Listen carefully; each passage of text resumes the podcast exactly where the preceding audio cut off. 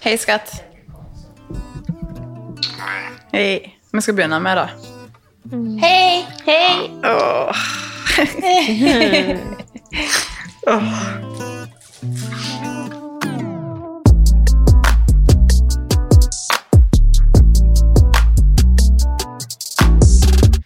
Ok, Denne episoden er jo litt spesiell.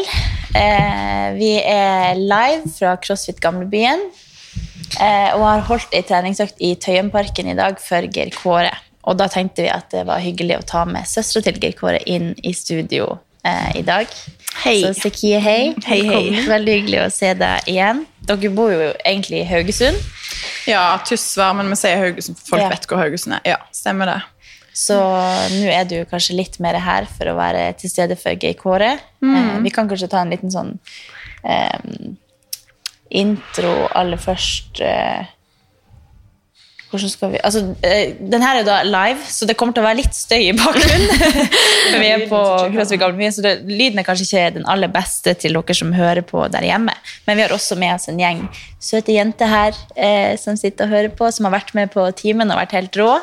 Eh, og trent for Geir Kåre i dag. Så vi oppfordrer jo alle som hører på, også til å støtte Spleisen, som vi har linka til i bio på Instagram. Eh, sånn at eh, vi kan hjelpe Geir Kåre på veien til å kunne gå igjen. Ja. Så eh, for å starte så vil vi jo aller først snakke litt med Sekie, som vi i utgangspunktet hadde lyst til å ha med i podden. Fordi vi har jo kjent hverandre ganske lenge eh, gjennom Noko. Egentlig, det var vel der vi ble kjent. Ja, og jeg sitter av og til og tenker på hvor lenge jeg egentlig har vært i noe. Ja, det er ganske lenge, tror jeg. Det må være ganske mange år, så tenker jeg, nei, det er jo sånn to-tre år, men det er jo nesten sikkert seks eller... ja, det er vel siden det kom til Norge, Ja, tror jeg. ja, det er faktisk jeg tror det. det var ganske tidlig. Ja, Ja. stemmer det. Jeg skal ha en confession, for at jeg, første gang jeg møtte deg, så var jeg faktisk litt redd deg. Dere har så sterk personlig. Jeg er litt sånn «I, Unnskyld å leve. Eh, og så er dere bare sånn Hei!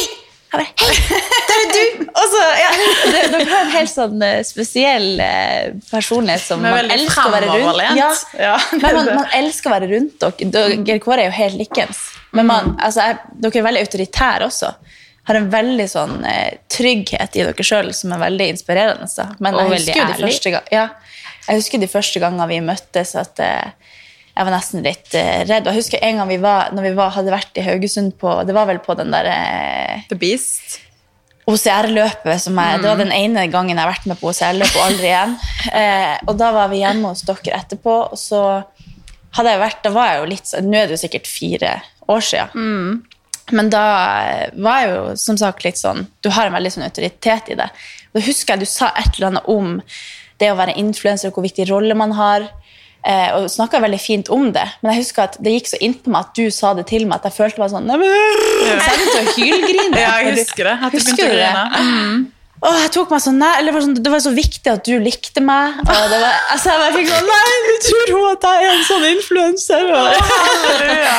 Jeg husker at jeg begynte å hylgrine i sofaen der, og alle satt rundt og bare Ja, men det er jo ikke noe galt med Ja, det var helt teit. Nei, men Jeg husker jo, jeg syntes det var så fint at du begynte å grine, for da ble det så ekte. Ja. For da viste jo du de sider av deg òg. Ja. sant? Og det, og det som dere sier, det å være ekte, det er så viktig for meg. Ja. At folk bare er. Bare Ja. vær det. Føl det du føler. Si det du tenker. og Ikke være redd for å gå på glass. Glass, hva heter det? Ja. Eggshells. Glasgow, ja. Nei, men Det er en veldig god egenskap å eh, bare si ting rett fra. Ja, altså det er begge deler, fordi um, ja, det kan jo være begge deler. Fordi at en blir jo kanskje ikke Som du sier, så er jeg veldig direkte. Altså når jeg snakker, så snakker jeg med hele meg, og så ser jeg deg i øynene. Uh, og folk kan synes det er veldig skremmende, og så kan jeg kanskje til og med se ut som jeg av og til kjefter, men det er bare for når jeg er lidenskapelig opptatt Ja. av noe, så bare Ja. klarer jeg ikke å holde det igjen, og så er jeg ferdig. Men så kan folk liksom etterpå være helt sånn Ja, Men tenk om bare alle var sånn, da. ja, ja, da ja men jeg det- synes jo det er ja. super Jeg, jeg, elsker jo når folk er sånn tilbake, for da vet jeg jo akkurat hva de tenker og hva de føler. Mm. Det er så enkelt å forholde seg til. Sant? Og når du grein, da, så visste jo jeg hva du følte og Ja. tenkte. Jeg følte at du kjefta på meg. Ja, men Du følte jo kanskje det fordi at du da fikk en sånn Å, shit, vi Ja. har jo en stor rolle. Shit, Det jeg legger ut, det ser små jenter, eller gutter for den saks skyld, og kanskje kopierer på et vis. Eller, Og det er jo en superviktig rolle en har. Men hva tror du har gjort at du, dere har Dere er jo veldig sterke personligheter, hele familien. Hva tror du har gjort det? Ja, hva har gjort det? Um, jeg, for det første så har vi en eh, Vi har en eh, veldig sterk mamma. Hun har jo vært alene med oss tre i alle år. Eh, Hvor stor aldersforskjell er det mellom dere søsknene? ja, jeg, jeg er jo nå Altså, jeg ble født. Jeg var jo en kjempesmell. Så mamma fikk, ble gravid med meg, og så måtte hun gifte seg med pappa på Kypros. Oh, ja. eh, men eh, ja da. Men Geir Kåre var planlagt, fordi jeg skulle ha et søsken. Så jeg var født i april 90, og Geir Kåre var født i mai 91. Så dere er så close, ja? Ja, så vi er så close. Så vi er ja, så jeg og han Jeg har jo, husker jo ikke tid uten han. ikke sant? Nei, han har jo vært min tvilling, på en måte. Ja. Og så kom Kristoffer vel fem år etter det. Ja. Så det er oss tre som har vært eh, vokst opp sammen. Men sånn som vi er, ja. Fordi altså, jeg og Gerd Kåre er kanskje mye mer fremoverlente. Kristoffer er jo mer den rolige, tause typen. Og det forstår jeg heller ikke hva som skjedde der, men det er helt greit. yeah. um, men eh, vi har jo opplevd masse fra vi var små. Vi har sett mye og vi har følt mye. Og det er jo helt klart at det er med på å forme den en blir. Mm. Um, altså, det er jo nok sikkert mye genetisk òg, jeg vet ikke. Eh, både jeg og Kåre er veldig tydelige på hva vi føler. Du ser det veldig fort. Og som jeg har forklart det til folk før, så er en på en måte veldig mange er jo flatt, eller at en ligger ganske i midten. Da er en glad, eller så er en litt lei seg, og så går en litt lenger ned. Mens jeg og Geir Kåre, liksom, når vi er glad, Ja. så, så altså, flyr vi. Og vi bare er sånn, det prikker kroppen, og vi bare, altså, da er vi der. Og er vi sinte, så er vi liksom på samme plass. Og så hvis vi er lei oss, så går vi helt, helt ned i kjelleren. Så det er jo en fordel og en ulempe igjen det. Ja, ja. Man føler så masse, fordi at det kan bli så Men jeg tenker jo det er jo sikkert også fordi dere, dere driter jo i alle andre. Ja, På en måte Dere føler på det som er deres, og det å være ekte. og Det, å, det er jo Mm. med en gang man føler på at man skal tilpasse seg alle andre, så blir man jo kanskje fort litt sånn. Men eh, Mm. Det eller sånn, er jeg jeg kan ikke si sånn i en podkast, men Nei, altså at det blir litt flat. Ja, at man blir Nei, men det er helt sant, fordi at det tror jeg nok hun har Altså For meg og Gerd Kåre så bryr det seg ikke om Nei, nei. syns at uff, de er noe litt voldsomme, eller uff, jeg syns ikke det håret var så flott. Altså, det, det har jo ingenting for oss Nei, å si. Vi skal jo ikke ha noen ting med de å gjøre. Nei, Du skal eller- ikke tilfredsstille de med hvordan vi er ikke her for de, vi er her for oss. Ikke sant? Ja, er så da er det så enkelt å bare gi blanke, da. Og så er det jo på en måte noe med at du danner deg jo sjøl et bilde av hvem du er. Mm. Og hvis du da danner deg ut ifra hva alle andre mener, så blir du jo aldri fornøyd. Mm. Fordi alle mener jo helt forskjellig, og alle har sin i det. Yeah. Så det er veldig viktig å være klar over hvem en er sjøl på innsida, uavhengig av hva andre syns rundt. Og det er veldig befriende. Ja. Ja, det synes jeg. Ja, det Det er kanskje den grunnmuren i at dere er så trygge, at dere har den, det mindsetet da, i alt dere gjør. At uh, hva enn dere møter på, så har dere den tryggheten i dere sjøl uansett. Det er helt sant. Vi vet veldig godt hvem vi er, og hvor vi skal. Ja. Ja. Det er uh, inspirerende. Men kan ikke du bare fort uh, fortelle litt hvem uh, Sekia er? Ja, Sekia. Um, hva er jeg nå? Jeg har nå drevet med litt idrett, jeg òg. Jeg gikk en litt annen vei enn Gerd Kåre. Det starta jo med kampsport for min del òg, men jeg klarte aldri å lande noe. Men jeg måtte ha noe å gjøre.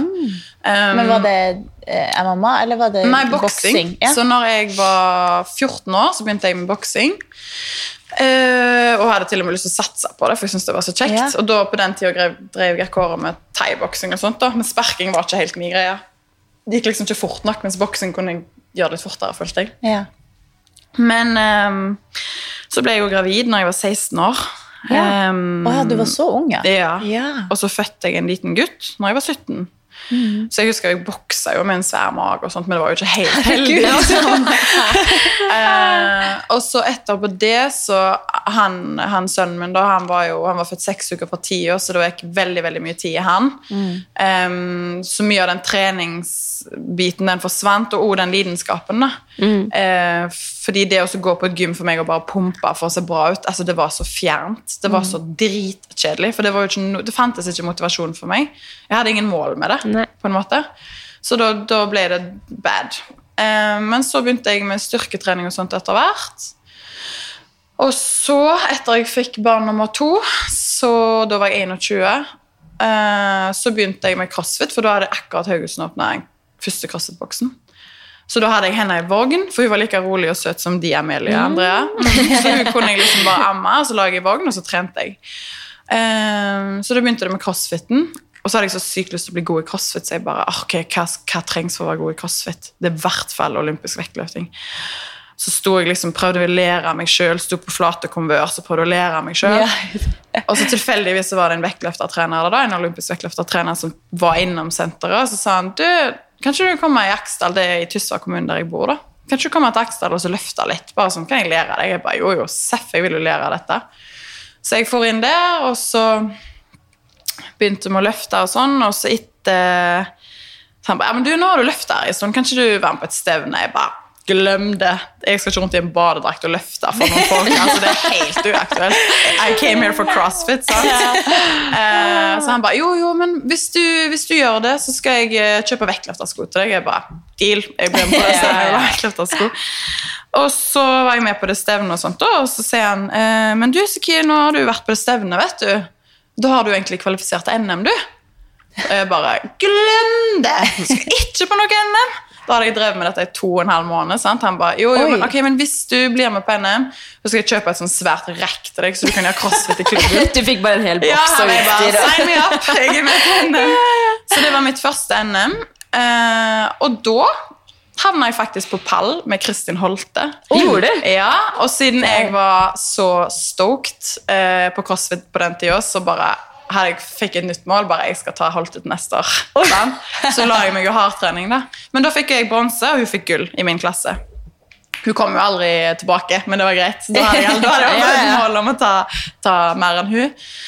Mm, og så gikk det egentlig ganske fort ifra at jeg var bare sånn her mosjonist. fordi vektløfting for meg ble, var jo egentlig et fristed. Det skulle jo være en plass hvor jeg fikk kobla ut alt dette her som skjedde i livet rundt. og sånt. Så ble det et fristed, for da har du så fokus på teknikk og du har så fokus på det du skal gjøre, at du glemmer å kjenne på alt det andre. Det er veldig, det er veldig deilig. Ja, det er helt fantastisk. Ja, sånn at eh, Så gikk det på en måte fra det da, til å bli veldig seriøst. fordi etter NM så ble jeg en del av landslag, og så var det landslagssamlinger.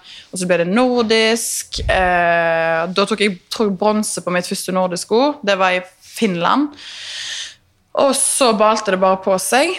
Og jeg har reist overalt. Jeg har vært på Tenerife, jeg har vært i Tyskland, jeg har vært i, på Island. Altså, det har vært helt fantastisk. Eh, og jeg, nå har jeg nå med meg to nordisk gull, da. Det Og det er jo siste Kort applaus. Ja, Du sa det liksom på sånn ydmyk måte. Jeg bare, ja, det er ganske fett. Det er ganske fett. Um, men da, den siste nordisken jeg deltok på, så hadde jeg jo arrevet en muskel i skuldra. Så du kan jo se på det siste bildet når jeg står på pallen, at hun som står på sølv og hun som står på bronse, de står og smiler, og jeg ser at jeg er så sur. Jeg, jeg er så misfornøyd. Fordi du var skada, eller? Ja, nei, for Jeg var så sint for at jeg ikke klarte å løfte tyngre. For oh, ja. Jeg visste jo at jeg var bedre enn det, men Ja. det var jo for jeg hadde revet av en muskel. Ja. Så jeg havna jo på operasjonsbordet da, og fikk sydd sammen denne skuldra. Og jeg hadde jo selvfølgelig store ambisjoner. Jeg bare, at du, du skal fremdeles, du har fremdeles mulighet til å komme til OL og alt dette her. Men mens jeg holdt på med denne rehaben, da, for en tenker jo skulder, what's the fuss, liksom etter, etter seks måneder, så sa de jo at da tåler han 100% og i min verden så er 100% du løfter akkurat det samme du har løfta. Yeah. Men det er jo ikke det. Det betyr jo du må trene deg opp til, og så når du er kommet seks måneder ut, da kan du begynne å trene skikkelig med vekter igjen. Så den lange perioden den gjorde noe med hodet mitt. Ikke bare det at jeg på en måte kom ut av hele den der en, eh, eh, altså det, det, Du har bare et sånn tunnelsyn på hvor du skal, og den satsingen. Så jeg var jo helt innarbeida med å trene sant? to økter til dagen og hadde alltid rutiner og sånn, til at eh, plutselig hadde jeg mye mer tid til å være med venner. Jeg, jeg trengte ikke å stresse med å komme meg av gårde på trening og slippe alt jeg hadde. Eh, han yngste broren vår fikk tvillinger, som jeg måtte ha, for de sover ennå ikke de to år. så jeg, har våkennetter med dem av og til. Um, så det var på en måte så mye jeg så som på en måte hadde så mye mer verdi da, yeah. enn den sinnssyke satsinga. Um, I tillegg så kommer jo korona, og ja, det bare ble sånn, så kjente jeg det bare til slutt at men herregud, du har tatt to nordisk gull. Ja. Hvis jeg skal høyere enn det, så slåss jeg med maskiner som ikke er rene. For det er det dessverre i min idrett. De er ikke rene. Hun som tok eh, EM-gull i min klasse nå, eller en klasse mindre, hun ble tatt i doping rett etterpå. Det ble det. Ja. Så det er liksom sånn så det er hele veien, så du på en måte kjenner så du må liksom ta et steg tilbake og spørre hvorfor gjør jeg dette? Hvem gjør jeg det for? Og hva sitter jeg igjen med etterpå? Og da var det egentlig enkelt for meg å velge noe annet. Så nå har du lagt opp? Ja, eller lagt opp. Det er veldig skummelt å si. Ja. Fordi at de har jo, jeg har jo vært med på stevnet etterpå. Ja. Mm, og jeg har jeg NM igjen. Men eh, altså, jeg har vært der allerede, så det er ikke den samme Det er ikke det jaget. Nei. Men jeg er jo, vektløfting er jo meg fremdeles. Og jeg Men for til en deilig tilværelse, da, å komme til det, da. Ja, det, At er nå helt, gjør du det, kun for er så befriende. Ja. For Før så kunne du ikke gå i fjelltur, du kunne ikke løpe, Nei. du kunne Nei. ingenting, fordi du måtte liksom Nei, vektløftere løper ikke. Vektløftere går ikke i fjellet. Vektløftere, sant? Ja, ja. Mens, ja. Jeg får bare sånn derre film i hodet av eh, etter du hadde kommet tilbake fra skaden, eller i hvert fall eh, når du løfter, og så begynner du å grine. Mm. Og jeg grein, og jeg grein. Og det var jo ja, bare den gleden når du ja. ja. For, for det er nettopp det, det er så viktig det du sier der, for det er den gleden der. Og så er det sånn Jeg husker ikke om det var at jeg jerka 100 kilo, eller hva det var da. Nei. Og det er sånn, du, du vil alltid tilbake til 100 kilo. Det er den. Ja. Altså, jeg var en av de første i Norges land som jerka 100 kilo av damene. Jeg tror jeg var nummer fem eller noe. Ja. Etter det så har du bare hagla inn pga. crossfit. Det er helt greit. Ja. Men det som du sier, dette med at, eh, at jeg grein for meg sjøl Det var ikke en norgesrekord, det var ikke en, ingenting sånt. Det var bare at jeg klarte å komme der Ja, jeg ville. Komme tilbake. Ja. Ja. Men så er det jo dette at du, du er ikke villig til å havne der du har vært med den. For det har jo vært et helvete. Ja, for så er det fint med den skuldra. Det er masse smerter og våkenetter og det òg? Ja. Så da er det ikke verdt det. Men av når du da plutselig gikk eh, og satsa innenfor vektløfting, så la du på en måte crossfiten litt. Da droppet du at det det er egentlig det du ville drive med. Ja, altså jeg skjønte jo at vektløfting var mye mer behagelig. Ja. Vi hadde jo spisepauser mellom Ja. settene og, og sånne ting. Og jeg skjønte at dette var noe for meg. Ja.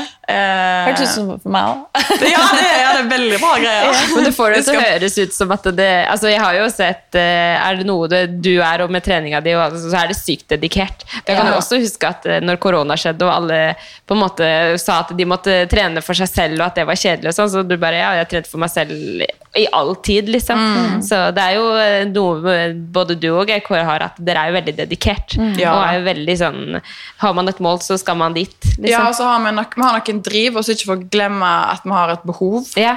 Altså Vi er fysisk lagt for å bruke kroppene våre. Så det har vært du vet Når du har krangla med typen og så liksom låser deg inn på et rom og ser på en serie og spiser is, da er jeg ute og springer i skogen. Ja, For jeg bare, forstår. det, det er min måte å takle alt på. Sånn at eh, den fysiske aktiviteten har vært en så viktig del av oss, og er en viktig del av oss. da. Og det har vi jo, jeg vet ikke om det kom tydelig frem, men du var samtidig tobarnsmor her. mens ja. du ble, fikk gull i nordisk to ganger. Ja da, ja da. Og det er Og det er jo, men det er jo fordeler og ulemper med det. òg. For når du satser, så må du jo være litt egoistiske. Ja. Mm, og jeg husker at jeg sa til meg sjøl mye at eh, men du får òg mye tid sammen med ungene som vanligvis folk ikke gjør. Fordi Ja. du er jo hjemme når de kommer hjem fra skolen, og sånt. Men så er du vekke ei uke for du er på landslagssamling, f.eks. Og så har jeg liksom tenkt sånn Og det er litt sånn den antifeminismen. Så, Altså dette her at det, Mannfolka reiser ut offshore to uker, damene er med ungene. Men når Saki reiser på landslagssamling ei uke, så er det Reiste du fra ungene?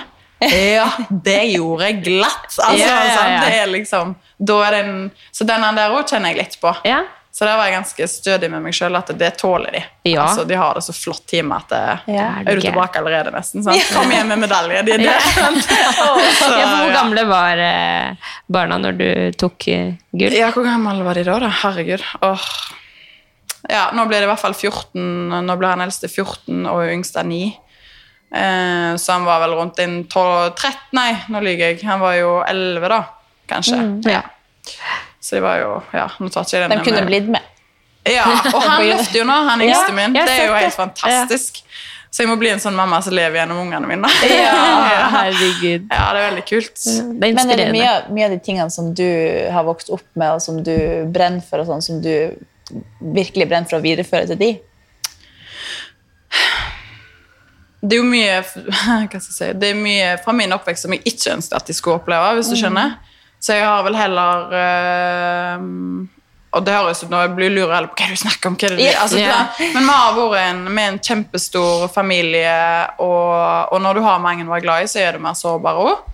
Altså, mamma har, de, er, de er seks søsken, og mamma mista sin mamma når hun var, var ung. og det har på en måte hatt ringvirkninger da, videre. Og ikke minst min far, som har vokst opp i krig på Kypros. Han har jo ikke vært til stede i vår oppvekst. og ehm, Så når du spør om ungene, så det første jeg tenker, selv om det er ikke det du egentlig spør om, men så er det første jeg tenkte på, det var jo sånn som med denne ulykka med GRK og sånt, så var det sånn åh, eh, oppi alt dette så kjenner du på at jeg skulle ønske at ungene mine ikke erfarte disse tingene Ja. som vi erfarte. For vi erfarte det samme med vår onkel Geir. Oh, ja. Onkel Geir, han, eh, det var en som ikke vedlikeholdt eh, eh, vikeplikten. Og da ja. kjørte han motorsykkel rett i, bak i en traktor eller noe. Så han ble jo ikke lam, da. Men han ble jo faktisk hjerneskada og aldri den samme. Nei. Um, så all denne smerten og alle disse følelsene rundt og sånt, det er liksom det har jeg håpet at mine skulle få slippe. Samtidig som at livet er som det er. Og jeg er så glad for at de kommer til å På en måte så glad for at de skal få erfare og kjenne og se på ekte hva som faktisk betyr noe, og, og, og hvor fort ting kan snu. Um, og det syns jeg jo allerede at jeg har egentlig vært ganske flink med. At jeg er veldig opptatt av at mine egne unger skal, de skal få reflektere over ting. Jeg skal ikke fortelle dem sånn skal dere leve, sånn skal dere tenke. Jeg kan si her har du fargeblyantene, og nå skal du få tegne ditt bilde av hvordan du vil ha ditt liv. Men jeg skal gi dem de fargeblyantene underveis. Men jeg vil aldri være en som står over dem og sånn, Dette er ikke lov å tenke, dette har du ikke lov å føle. Få sånn har du ikke lov å gå kledd. Altså, det er helt uaktuelt. Det må de finne ut av sjøl. Desto mer jeg prøver å styre, desto mer vil de ha et behov for å bryte ut av det. ikke sant? Så det er egentlig Ja. Du har veldig, veldig mange fine verdier som de nok lærer veldig mye av og ser. Mm. Eh, som de nok tar med seg videre. Så Men samtidig så blir jeg jo utfordra av den eldste, da. Fordi, og jeg kjenner jo det at, som jeg sier, de skal få lov å velge sjøl, Ja. men så er det sånn Hva var det han sa her en dag? Et eller annet om et dyr, at det var bedre at et dyr ble liksom drept, og så et eller annet sånn her, så jeg kjente bare Hva er det du sier? Mener du at dyr ikke er like mye verdt som mennesker? Er Min verdi det er jo super. Ja, ja. Jeg elsker jo dyr, og Ja. der er jo hun mye, og hun lever jo for dyr, mens han har litt annen sånn Ja, ja, men en hund er en hund, sant? Ja. En hund er et menneske, det er jo. Altså, det, sant? Så ja. Jeg husker den ene gangen vi var på kontoret, så var jeg livredd for at det var en humle inne eller en veps. eller et Mm. Og du stiller deg opp med tre stiger for å redde den her for å slippe den ut. Og bare, du Ja. må aldri drepe den! Nei, du skal aldri drepe det. Altså, du, du er veldig reflektert innenfor miljøet også. Ja, Som ja er veldig, jeg veldig det. fint. Det er, jo, det er jo en av mine number one. For det er litt sånn, Vi kan være så influensere vi vil, og vi kan ha så bra sprettrumper vi vil, og vi kan ha så stort hus vi vil ha, men til syvende og sist, hvis vi ikke har en planet til slutt å bo på, eller ikke kan ha ei helse fordi at alt blir ødelagt rundt oss, så har det jo ingenting å si. Da, de snakker om Planet B, ikke sant? Skal vi komme der, liksom? Sånn, Nå blir jeg sånn, nå blir jeg miljøaktivist. Ja. ja, men det er jo bra. Det er bra. Så ja, jeg, eh, miljøet er en veldig stor del av meg, det er jo ingen tvil om det. Og jeg tenker det er så enkle tiltak en kan gjøre, som betyr så mye større fram i tid. da. Og nå har jo du, Andrea, barn sjøl, og jeg som har unger sjøl, og jeg ser jo viktigheten av Og det, det er forferdelig å tenke på at mine barnebarn kanskje aldri får oppleve ville dyr Ja. eh, eller frisk natur. Eh, altså bare det faktum at alle som sitter her i rommet, får i gjennomsnitt et kredittkort med plast i kroppen i løpet av ei uke. Fordi maten vår er så forurensa. Ja. Det, sier så mye for meg. Da har det gått så langt. Yeah. Og da må vi begynne å ta oss sjøl i nakken og ikke tenke at alle andre rundt oss skal gjøre det. For vi er en del av det. Yeah. Mm. Og det er jo den jeg prøver å implementere. Yeah. Du sa det veldig bra der, ja, men nå må jeg hjem og skjerpe meg. Ja, det var det jeg tenkte nå. Og det er jo bare så enkle ting som bare prøver å sette seg inn i kass. For det er jo noe med at hvem støtter Ok, dere spiser, de fleste spiser kjøtt, jeg gjør jo ikke det. Nei. Og det er greit. Men ok, hvis du spiser kjøtt, hvor kommer kjøttet fra? Mm. Er det norsk, eller er det importert? Hva får de i seg hvis de er importert? Hvor mye har det kosta planeten med ressurser for å få sendt det til Norge? Altså, vi, vi har oppdrettere i Norge som sender laksen til utlandet for å pakke det. For det er billigere å pakke det i Thailand, for så å sende det tilbake til Norge. Yeah. Det er så hull i hodet at jeg har lyst til å spy av hele greia. Og bare sånne ting som det, at vi må sette spørsmålstegn ved ja, de gjør det. Da gidder ikke jeg å kjøpe fisken fra de. Mm. Da kjøper jeg mye heller og betaler 20 kroner for at de som gjør en skikkelig jobb med fisken her.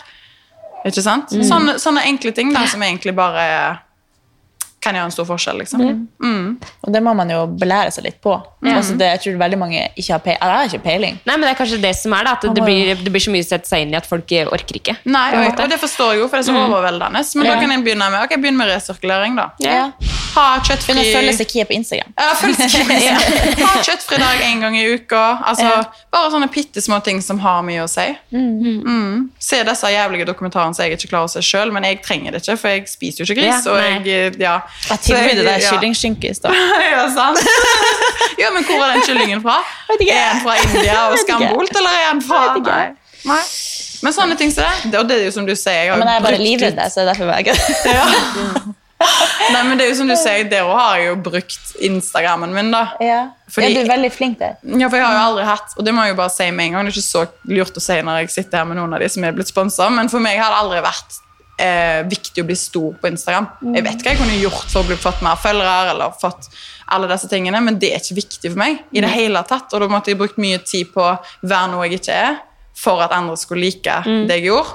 Og de folkene, jeg er veldig glad for dere som er her, men folk, følgere har ikke en verdi i mitt liv. Selvfølgelig har de det, fordi jeg kan være med og inspirere dem, og sånt, men jeg mener de er jo ikke de som har noe for meg i min hverdag å si. Nei. Det er jo ikke de som gjør meg lykkelige.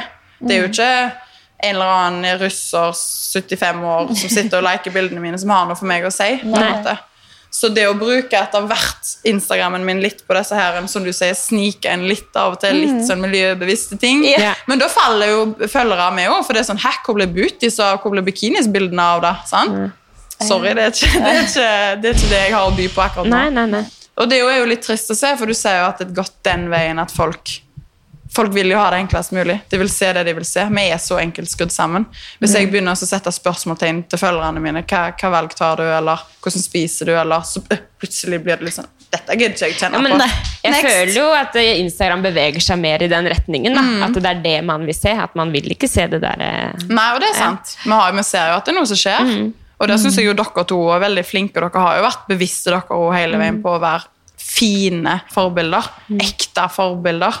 Den skal dere ha. Begge to. Det er hyggelig Takk. at Ja. du sier. Det betyr ekstra mye fra deg. ja, på Instagram. ja.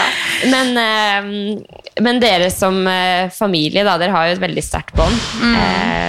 jeg tenkte kanskje vi skal gå litt over på det som skjedde for tre uker siden. ja. Eh, husker du Altså, hva gjorde du hva, når du fikk telefonen? Hva gjorde du den dagen? Kan Den vi jo starte med, dagen. Den dagen så var jeg jo i bursdag eh, en time fra hjembyen, da. Oh, ja. Så vi var egentlig litt vekke, så det var jeg og samboeren min og dattera mi. Um, og dette høres kanskje helt rart ut, men når mamma ringte, dette var klokka seks på kvelden ish, så ringte hun. Og da gikk jeg vekk fra crowden, for jeg skjønte Å, at det var noe. Jeg fikk en Oi. sånn følelse Og det er jo- litt sånn vanskelig å forklare på en podkast sånn her og nå, men vi har på en måte opplevd så mye eh, tragedier i familien vår, ulykker og ja, mye greier. Og det er ikke så lenge siden jeg og mamma på en måte har sagt nå har det vært stille så lenge. Oh. At vi går på en måte og venter litt på neste. Og det høres helt banalt ut. Um, men det er jo det livserfaringen vår er. ikke sant? Så når hun ringte klokka seks, så fikk jeg en sånn Nå må jeg holde roen. Og så gikk jeg vekk, og så grein hun. Og så sa hun Geir Kåre har vært i ei stupulykke, og han er på, sendt til sykehuset, og de opererer han. Og så grein hun, og sånn, så sier jeg ok, men mamma, nå setter vi oss i bilen, og så fikser du en plass hvor ungene skal være, og så fikser jeg hvor mine skal være, og så kjører vi til Oslo, sa jeg. Eh, og så sa jeg vi vet ingenting ennå, så nå må vi bare holde roen. Nå må vi bare til Oslo. Ehm, så det er litt sånn no, den, den, Og som dere sier, vi er veldig knytta med familien. Eh, og det er så godt, på en måte som hun sier, at det, vi har erfart så mye og vi har opplevd så mye at det, vi har rygger til å bære dette. Vi knekker ikke av dette. Vi ligger ikke og griner, vi syns ikke synd på oss sjøl. Vi sier ikke 'fy faen, livet er urettferdig'. Hva hjelper det, da? Mm. Hvordan hjelper meg Kåre med å si 'dette er urettferdig'? Hva hjelper det hvis han tenker 'dette er så urettferdig'? Da kommer han seg ingen vei. Da graver han seg ned i bitterhet, og vi blir sugd med han. ikke sant? Um, så det er jo også å kjøre til Oslo med mamma da i Det tar jo sju timer, da. Så, så får du jo, du har jo en sånn klump i magen hele tida, for du vet ikke hva som møter deg, vi vet ikke hvordan operasjonen går. Vi fikk bare vite at han sa 'jeg kjenner ingenting i beina mine'. Det var det, på en måte. Vi visste at han var med bevissthet, og det var veldig viktig for meg å vite. At han har vært bevisst hele tida. Og, og bare det at han har stupt og ikke blitt hjerneskada. At han ikke har knekt nakken og blitt lam fra nakken og ned, eller i verste fall har vært død. For det kunne han ha vært. Yeah. Han, mot alle odds så har det gått, vært hell i uhell, på en måte. Men det å ha den kjøreturen med mamma, da, det, var, det, var, det er jo så godt fordi at vi prater så bra sammen. Og vi er så klar over egentlig hva vi tenker og føler, og vi er så klar over hvordan vi egentlig skal håndtere dette når vi kommer fram. Um, Dere tenker likt, liksom. ja, fordi vi, vi bare vet. Mm. Og, men, men det som er vondt, det er jo hva vi møter når vi ser Geir Kåre. Det var jo den jeg grua meg til. Ok, han er lam. Det er ikke noe jeg kan gjøre med her og nå. Eh, men det å se Geir Kåre ha vondt, det, det er det som på en måte er det verste med alt. Da, da, da river bare alt. Alle cellene i kroppen, det er Og det er det som er litt sånn, sånn som vi som ikke kjenner Geir Kåre så nært som det du gjør, men likevel altså, Jeg tror alle som har møtt han noen gang, kan skrive under på at han setter sånn spor. da. Og det er derfor det blir så viktig også for oss. Vi, du kjenner han jo litt nærmere enn meg, og jeg kjenner han litt, men det har vært sånn, fra første sekund så var det sånn Herregud, her må vi gjøre noe, fordi han er så viktig i alle settinger han er. Jeg vet ikke om noen av dere her i rommet har møtt han, men han er en helt fantastisk person som han ligner ingen andre. Nei, du ligner han litt, kanskje. Men, men, eh, men sånn, det, det, dere har en helt, helt eksepsjonell måte å møte alle miljøer på. Alle mennesker er, alle er liksom velkommen, og alle eh, blir møtt med samme mine. Og det, den Geir Kåre er den vi skal ta vare på uansett hva som skjer fremover. Og det er det jeg kjenner det er så viktig for oss. Og vi skal bære han hvor som helst, uansett hva som skjer. Vi vet jo ingenting enda, men nå er det så viktig for oss å vi, vise at vi er her, og, og vise at du er i hvert fall ikke alene om dette. Og det, det tror jeg alle som har møtt han en gang, kan skrive under på, at det, det føler man på langt inn i hjertet, selv om man ikke kjenner han på dypet. da. Ja, og det syns jeg er veldig fint at du sier. For jeg, det er jo alle de tilbakemeldingene som dere har sett, og det har jo vært en helt enormt overveldende kjærlighet. Folk er kjempeengasjerte, folk sender så masse fint. De skal bidra her og der. altså Vi får tilsendt mat på dørene. vi får ja, Det har vært helt overveldende overveldende oppi en så tung tid, og allikevel oppleve så mye kjærlighet. Eh, og som du sier, Geir Kåre er en helt unik person, Katarina. Og, og når jeg snakket med han, jeg fikk alenetime med han på sykehuset, eh, på intensiven der, så sa han til meg at eh, jeg merker at du har en sånn rosekie. Det er ikke som du, du vet noe som ingen andre vet. Og det er den følelsen jeg sitter med henne. At dette er så jævlig akkurat nå. Det er så mye vi skal kjenne på, og selvfølgelig vil tvilen slå meg. Det gjør det av og til. Smeller i magen. Men jeg klarer ikke å tenke at dette er this, this was it. For det er som du sier, at Gerkår, det er noe større med Geir Kåre. Og jeg, som dere også vet, er litt svevende person. Så jeg har litt sånn ok, vi er mennesker, vi blir født her på jord. Noen har store roller. Og andre har at de jobber på Kiwi, som også er kjempeviktig, for vi trenger maten, og vi trenger altså, vi, vi alle hører sammen. Og noen mennesker får mer prøver enn andre, og så får vi sendt på oss mer prøver. Hvis vi klarer det, ok, next task. Nå er vi på et av våre største prøvelser i livet, og ikke minst Geir Kåre sjøl. Og det er derfor han, som han sier, han er, altså folk kan si han er så sterk og bla, bla, bla, bla, bla. Nå er han på en plass som han på en måte må eh, Hvordan skal jeg si det? Han må, jo, han må jo på en måte akseptere den nye tilværelsen og, og på en måte bruke det som et utgangspunkt. Men i bunn og grunn så har han en sånn der en, Han har noen evner som ingen andre mennesker jeg har møtt, har. Han svømmer under isen. Han yeah. hopper fra fjell uten å vite hva som er i bånn. Det får han jo ikke lov å gjøre igjen, det skjønner jo alle. Men han, eh, han har bare en sånn Og den mentaliteten hans og den, den driven hans, og som du sier, måten han møter andre mennesker Og det jo, tror jeg nok igjen handler mye om den open-minded vi har. Vi er så trygge på oss selv og vi er open-minded, så vi imøtekommer alle mennesker på samme nivå. Vi er ikke over noen. Vi er på lik linje, og vi er like interessert i alle. men jeg tror at det venter noe større i enden av dette. Ja. Jeg vet ikke hva det er, og jeg, jeg kan jo være så brutalt ærlig og si at eh, eh, jeg, er helt ærlig, jeg tror ikke han bare reiser seg opp og går nå.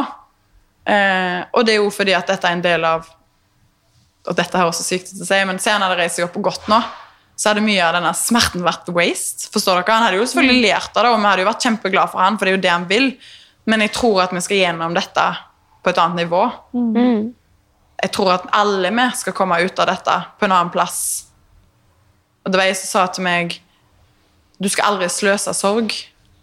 Og den har satt seg sånn med meg, fordi ja, sorg er jævlig. Sorg er vondt, det er frustrerende, det er fortvilende, og du er livredd, du aner ikke hva som venter. Men sorg er òg med på å la deg vokse på en helt annen måte enn om hverdagen bare er lik. Den setter jo alt i perspektiv, og du er nødt til å kjenne på følelser du aldri har kjent på før, og du er nødt til å takle dem. Du kan la deg bli kvelt, sant? men da kommer du ingen vei. Nei, de, og så kommer de kanskje tilbake. Da kommer du kanskje tilbake. Ja, og da er du tilbake, sant? Sånn at eh, jeg bare har en sånn indre følelse av at det er noe større. Dette er hans livs prøve. Og som alle andre sier og vet, så er det han som skal klare det. Det er han som kommer til å klare det. Uansett. Det betyr Og jeg tror ikke at du er alene om å kjenne på det. For Nei. jeg også sitter og kjenner på Ja. at det, så det er jo litt sånn klisjé å si at det er det en som skal klare det, så er det Geir Kåre. Mm. Men jeg kjenner på det at det, liksom, det kommer til å gå, liksom. Mm. Og så er det sånn, Men uansett hva som venter, så må det bli bra. Ja. I et drømmescenario så er det selvfølgelig at han skal kunne springe i, i skauen og sånt igjen. Og det, og der er jo der, det er langt fremme, og der kan vi jo komme. Som sagt, vi lever i 2021, og det finnes mange mange muligheter. Om ikke Norge har det vi trenger, greit, da snur vi på en ny stein. og da snur vi på en ny stein. For det er jo- veldig viktig for Geir Kåre at alle vet da at en ikke Det er ikke sånn her at ok, nå, har han, nå finner han roen i rullestolen etter et år. Nei, nei. Han skal lete, han. Og de som finner roen, er jo jeg kjempeglad for. Eh, Det er jo ingenting i verden som er viktigere enn at folk er, har det bra og er happy. Og er du happy i en rullestol, så er du kjempebra. Men jeg vet at Kåre aldri kommer til å være happy i en rullestol. Og, og de som finner roen der, de leter ikke. Kåre finner ikke roen, så han kommer til å lete, og vi leter med han. Jeg tror det som har også gjort det så, inn, eller gjort et så sterkt inntrykk av denne hendelsen, er jo at når, når, når man går en tur da, i parken, så klatrer han i trærne. Eller sånn, han går ikke bare tur attmed. Han går på hendene, Ja. tar en baklengs salt. Ja. Du har aldri gjort det, men prøv for det. Altså, det liksom... Bare luftbokse litt mens man sitter og prater om følelser. Eller, altså det, Gjerne med en rosa hatt med blomster i, og kanskje en grønn sokk opp til kne. Altså, det er liksom ingen Ja.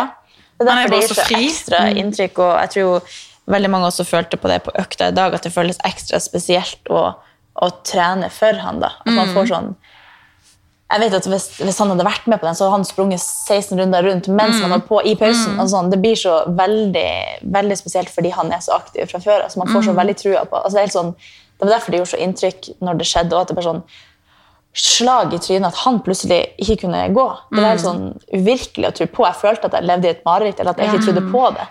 Fordi at det var så rart å forestille seg, fordi han er han. da. Ja, jeg leste bare... Men derfor får man også så trua på at det går ikke an.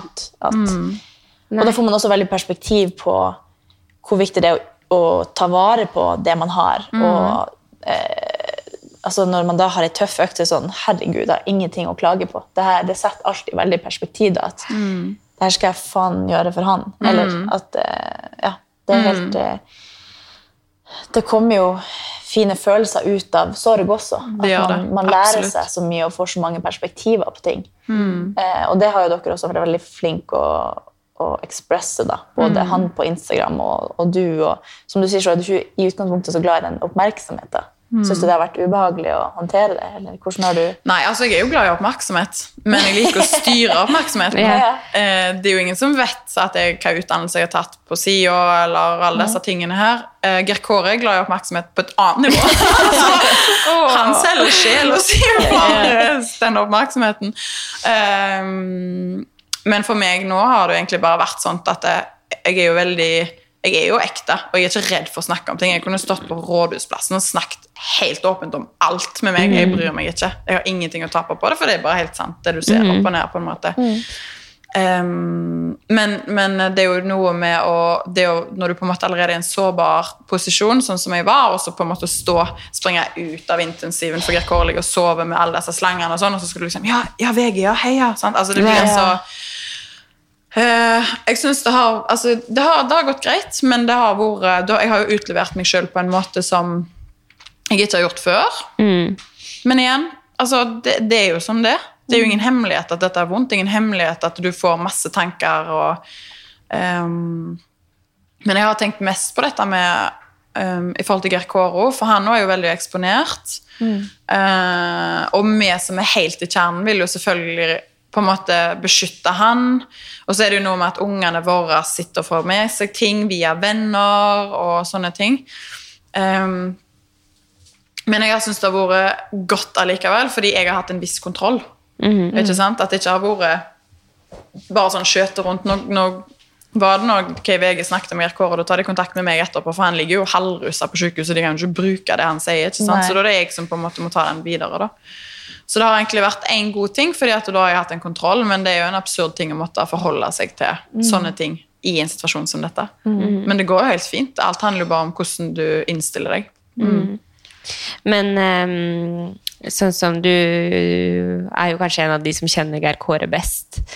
Eh, sånn på sida for deg, liksom du, Vet du Eller selvfølgelig vet du det, men din eh, oppgave her, da, på en måte hvordan du skal opp eh, eller være på siden her, liksom. Hva er det som kommer til å være det viktigste for Geir med deg, på en måte? Jeg tror jo at alle i familien har sine roller. Eh, og Gert jeg kan jo ikke uttrykke for Gert Kåre sin del hvilken rolle jeg har. Jeg har kjent sjøl at jeg har villet jeg har lyst til å være i nærheten, men jeg har ikke lyst til å sette mine behov for å være nær han framfor hans eget. Nei. Eh, og sånn umiddelbart så har jeg jo kjent veldig på som jeg nevnte, den kontrollen. Jeg liker å ha kontroll. Jeg liker å vite hva legene sier, jeg liker å vite hva bildene har vist, jeg liker å vite hva blodtrykkene sier. Jeg liker alle det der en- Det gir meg en trygghet å ha kontroll på det når jeg vet at han er så sårbar. Um, samtidig så har han en fantastisk samboer som jeg bare Jeg sa det til henne her i forgårs. Jeg bare, du, jeg elsker deg. Du vet at I andre land så har de presidenten på veggen, liksom, men jeg kommer til å ta bilde av deg og ha på veggen. altså Hun er bare helt amazing. Uh, og det må jeg bare ærlig innrømme og si at det har vært en avlastning for meg og mamma. Yeah. Um, men meg som sånn søsterrolle, så må jeg bare være den han trenger at jeg skal være. Jeg kan ikke prøve å være noe Jeg kan ikke tenke at dette er min jobb, sånn og sånn. Jeg må bare være Jeg må lese han, og så må jeg bare være. Og jeg vet at for han så Som han sa, så, så må han være alene. For dette er noe han må takle. Det er jo noe med hele veien ha folk rundt seg, og så skal du ikke bare leve gjennom deres sorg, men også ta hensyn. Hvis jeg har en mental breakdown, syns jeg det er godt å ha det for meg sjøl. Syns ikke det er godt at mamma sitter liksom med øynene hey, altså, Det er godt å bare få det ut sjøl, og da er det noe med å bearbeide det alene. Men det er godt å vite at jeg er 20 minutter unna. Der vil jeg. Og, og det må jeg bare si at jeg syns jo det, det, en, det blir en utfordring å reise hjem igjen til Tysvær og være sju timer ifra. Samtidig som vi vet at det er helt nødvendig. Både for familien altså min og han og vi har jo, altså Flokken er jo egentlig der. Det er jo egentlig bare GRK som er i Oslo. Og da hjelper det jo selvfølgelig veldig godt å vite at hun, frøken Kristina Bardal, som er samboeren hans, er, er der. Og ikke minst den eh, vennegjengen han har, som bare er helt eksepsjonelt sterk og bra. og ja. For nå er han på Sunnaas. Nå er han på Sunnaas på rehabilitering der. Mm. Og det er jo også ja, det å vite at de er her, for den, det miljøet der har jo altså, vist seg å være helt fantastisk. Altså, han har så mange nære, da, ser man jo. Etter hvert har det vært en litt sånn åpenbaring for han òg, kanskje. Ja, det tror jeg også, som han nevnte Forstå sjøl. Så var det jo sånn at han visste ikke hvor mange han hadde berørt. Nei. For for han så har det vært en naturlig ting å bare ha omsorg og bry seg. Og så, og det ligger nok bare hjertet vårt nært henne. Men det at han har berørt det, og at de har kjent på det etterpå, og kjent at nå skal jeg få lov å gi tilbake til han for det han har gjort for meg. Det nå tror jeg han ble litt sånn Oi, herlighet. Det, det gjorde jo ikke så mye, men sant? Så det har vært veldig, veldig fint å se. Og vi snakka litt om det når vi møttes utafor Juicery den dagen. Eh, som var, vi var der og støtta eh, Juicery som gikk til Spleisen. Eh, og da snakker vi litt om de som var til stede der, og hvor traumatisk det var for de, og, og hvordan han hadde da eh, ville at de alle skulle kunne komme og besøke ham på sykehuset, for noen hadde ikke kunnet komme inn pga. korona. Og sånn. Og at det var da så viktig for han at alle fikk lov til å komme på besøk, for at han ville ta vare på de òg. Ja, det Det er nettopp det. Ja, det er- For han spør hvordan har hun det, og så sier jeg nei, hun var jo der og hun syntes det var tøft å se. Ja, hun må komme. Sant? Og skal han på en måte bare Det er typisk han. Ja. Selv der lamma og dopa og smerter og i et kaos, selv der så er det viktig for han å mm. ivareta det rundt seg. Mm. Og det var liksom noe av det første han sa til mamma og stakkar mens han liksom holdt rundt henne og grein og bare 'Men mamma, blodtrykket ditt!' sant? Det er liksom så absurd oppi det hele, og mamma bare 'Vær så snill'. Dette skulle ikke skje for deg. Nei, det er sånn, vet du hva Ja. Så der har du han, da. Bare, og det er jo sånt Folk ser som jeg sier, en klovn. Han danser, hopper og spretter og ler. Og han er helt sånn en sånn stjerne som bare lever livet. Men han er så reflektert, og han har så mye omsorg. Eh, og det er jo klart, og dette må jeg jo si, for mamma fikk litt sånn Hallo, nå tror jo alle bare at alt er en dans på roser, og vi familien er sånn Haa. Men det er vi ikke. Vi er jo med sterke personligheter, og vi krangler, og vi, altså, vi, er jo, vi er jo en vanlig familie, bare pluss alle følelsene. Mm. Sånn at det er jo ikke sånn og, jeg, og som dere sier, så kjenner jo jeg Kåre på et nivå, og mamma og de som er nærmest på et annet nivå enn bare den der Wow, life is great! Sant? Sånn at um, vi har jo sett andre sider av han òg, på en måte, som er og det må, jo, det må jeg jo si. Vi Ja. har alle, altså, har, det er alltid mørke sider og lyse sider av alt. Men, Men- igjen, det er en som jeg sa innledningsvis, at en, vi føler så mye. Vi er så sterkt begge veier. Mm. Opp og ned, glad og sint og lei. Og, men til syvende og sist så har vi den kjærligheten som bare er så bånnsolid at det, Altså, Han kunne ha kalt meg hva som helst i verden. Han kunne til og med kappa meg armer og bein, og jeg, hadde fremdeles elsket han med hele mitt hjerte. Og det er jo det som er. Den kjærligheten der er bare så ekstrem. Mm. Men siden vi snakker om Geir Kåre på den måten, da, for jeg kan jo huske veldig godt eh, liksom bli kjent med Geir Kåre, og den som er veldig høyt, da, mm. og, og eh, masse energi. Og, så husker jeg, jeg husker det bare så godt en gang som eh, vi hadde en biltur. Og så sitter vi og har en sånn skikkelig dyp prat, og jeg bare Er det ikke Kåre jeg prater med? Jeg var helt sånn, og jeg, jeg var nesten sånn Etter samtalen også, så var jeg bare sånn det satt, så, det satt skikkelig i meg. Altså, vi bare, Den samtalen har du nevnt mange ja. ganger. Ja, jeg har det. Ja. For jeg bare, nå snakka jeg med Geir Kåre, og han er, det, er, det er så sinnssykt mye mer, da. Eh, Ja, det er så, akkurat det ja. du sier. Det er så mye mer bak den der enn klovnen og Ja. hopp og sprett. Det er så mye solid. Ja. Jeg bare håpa den bilturen aldri skulle ta slutt. Ja. for var bare helt sånn Ja, det er helt sant. Ja, han har masse, og han er veldig klok. Ja. Men igjen, der, altså, da ville vi ikke vært foruten det. Vi hadde ikke vært der med i dag uten alle erfaringene vi har. Nei. Det er derfor vi aldri skal som jeg sier, sløse sorg. Nei. Vi skal ta imot de utfordringene vi får, og så skal vi takle det. Og vi skal kjenne at vi er frustrert og lei oss, og vi skal kjenne at det er jævlig. Men vi skal aldri synes synd på oss sjøl. Vi skal ikke si at det er urettferdig, for hva er rettferdig? da? Altså, Nei. så Det er ikke sant. Og med at dere har opplevd så mye fra før, så har dere en sånn styrke i den her. Dere vet litt hvordan dere skal håndtere det. Og Nå har det vært noen ting som har vært helt nytt. En følelse du har følt på som du aldri har følt på før. For det er jo en helt, altså, Hvis man tenker seg sjøl at dette kunne vært meg Jeg kunne mm. hoppa uti og blitt lam. Altså, det er jo helt utrolig eh, situasjon å havne i. Du må bare si fra hvis du ikke vil svare. Jo, nei, jeg, jeg svarer. Ja, jeg gir beskjed hvis det Men det går helt fint. Jeg bare prøvde å kjenne på spørsmålet litt. Om det er noe jeg har kjent nå som jeg ikke har kjent før. Det er jo det er litt sånn som jeg sa tidligere, at det, noe av det vondeste er å se de andre ha det vondt. Det er sånn at Jeg har vært oppe i så forferdelige situasjoner hvor kanskje mennesker har ligget for døden. Og så har reaksjonene rundt vært vondere enn faktisk redselen for å miste personen som skulle dø. Ja.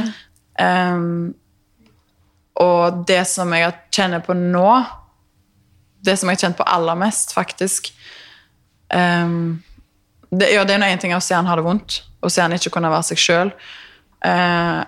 og at jeg ser hvordan han jobber med hodet sitt og prøver å få kontroll på de tankene han har, og de følelsene. Og... Men noe som har vært veldig spesielt oppi det hele, er jo at uansett hva som har skjedd i livet, så har meg og han alltid vært der for hverandre. Og jeg har alltid kunnet sperre med han, for han har jo som regel vært gjennom det samme. Sett det samme, ikke følt det samme, ikke tenkt det samme, som også er bra, sant? men vi har vært i samme situasjoner. Sånn at det nå når jeg har vært igjennom dette og er igjennom dette, så kan ikke jeg ringe til han og drøfte om det. Nei. jeg kan ikke sperre med han om dette, for dette For han har omhandler nesten vært som en tvilling for det. Så det er nesten som å være alene. Mm. Det er noe av det vondeste. Ja, han er jo som en tvillingbror, nesten. Ja, det er det. Han er ikke som en tvilling. Og ja. Det er på en måte ingen andre som kjenner meg heller, sånn som han.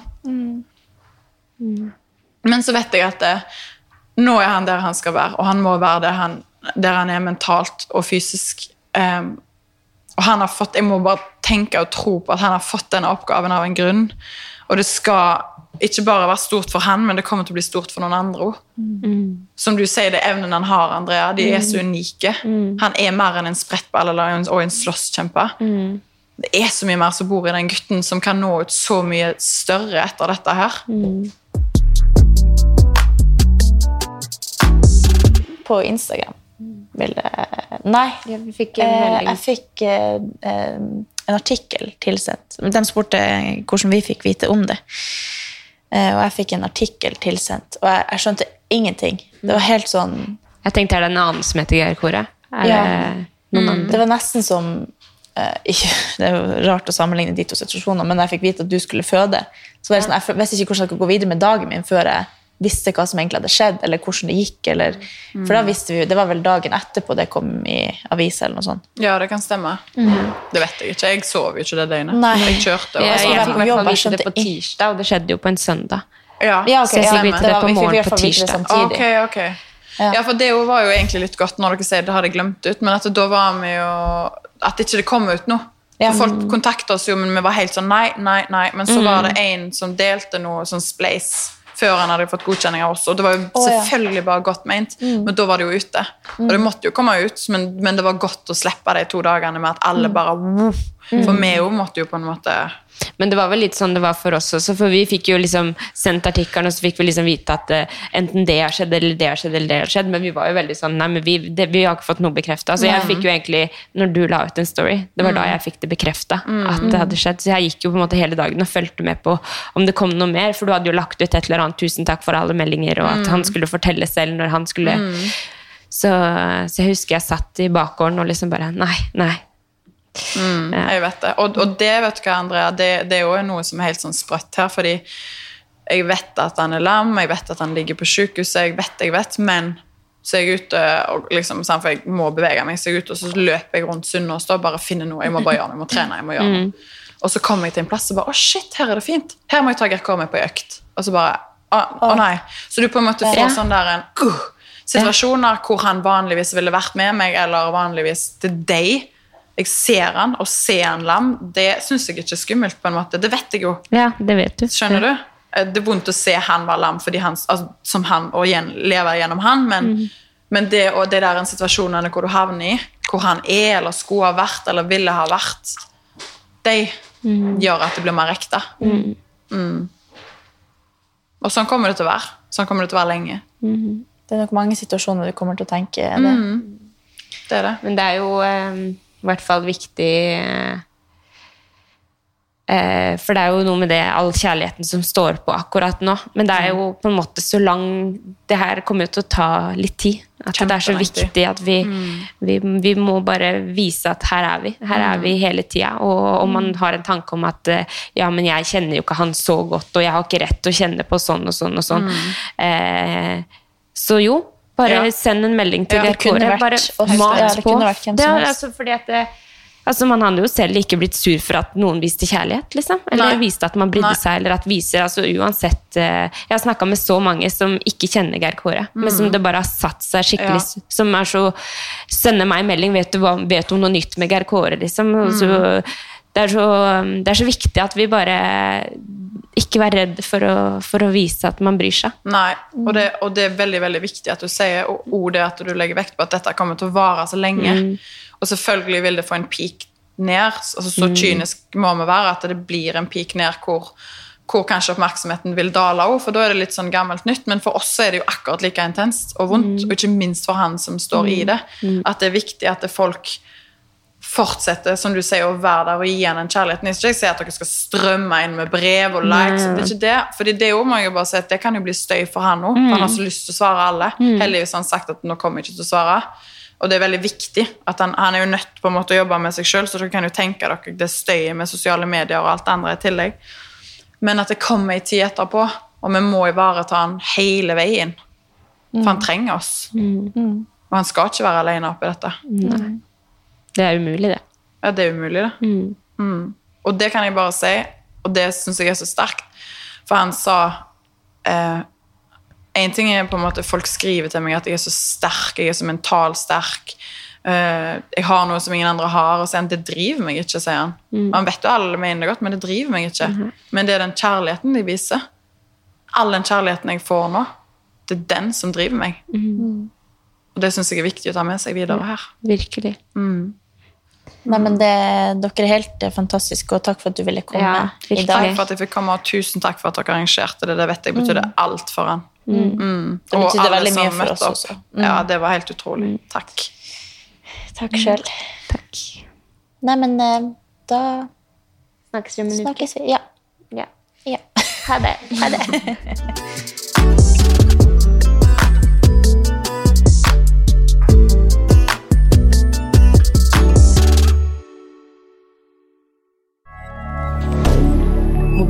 Verder.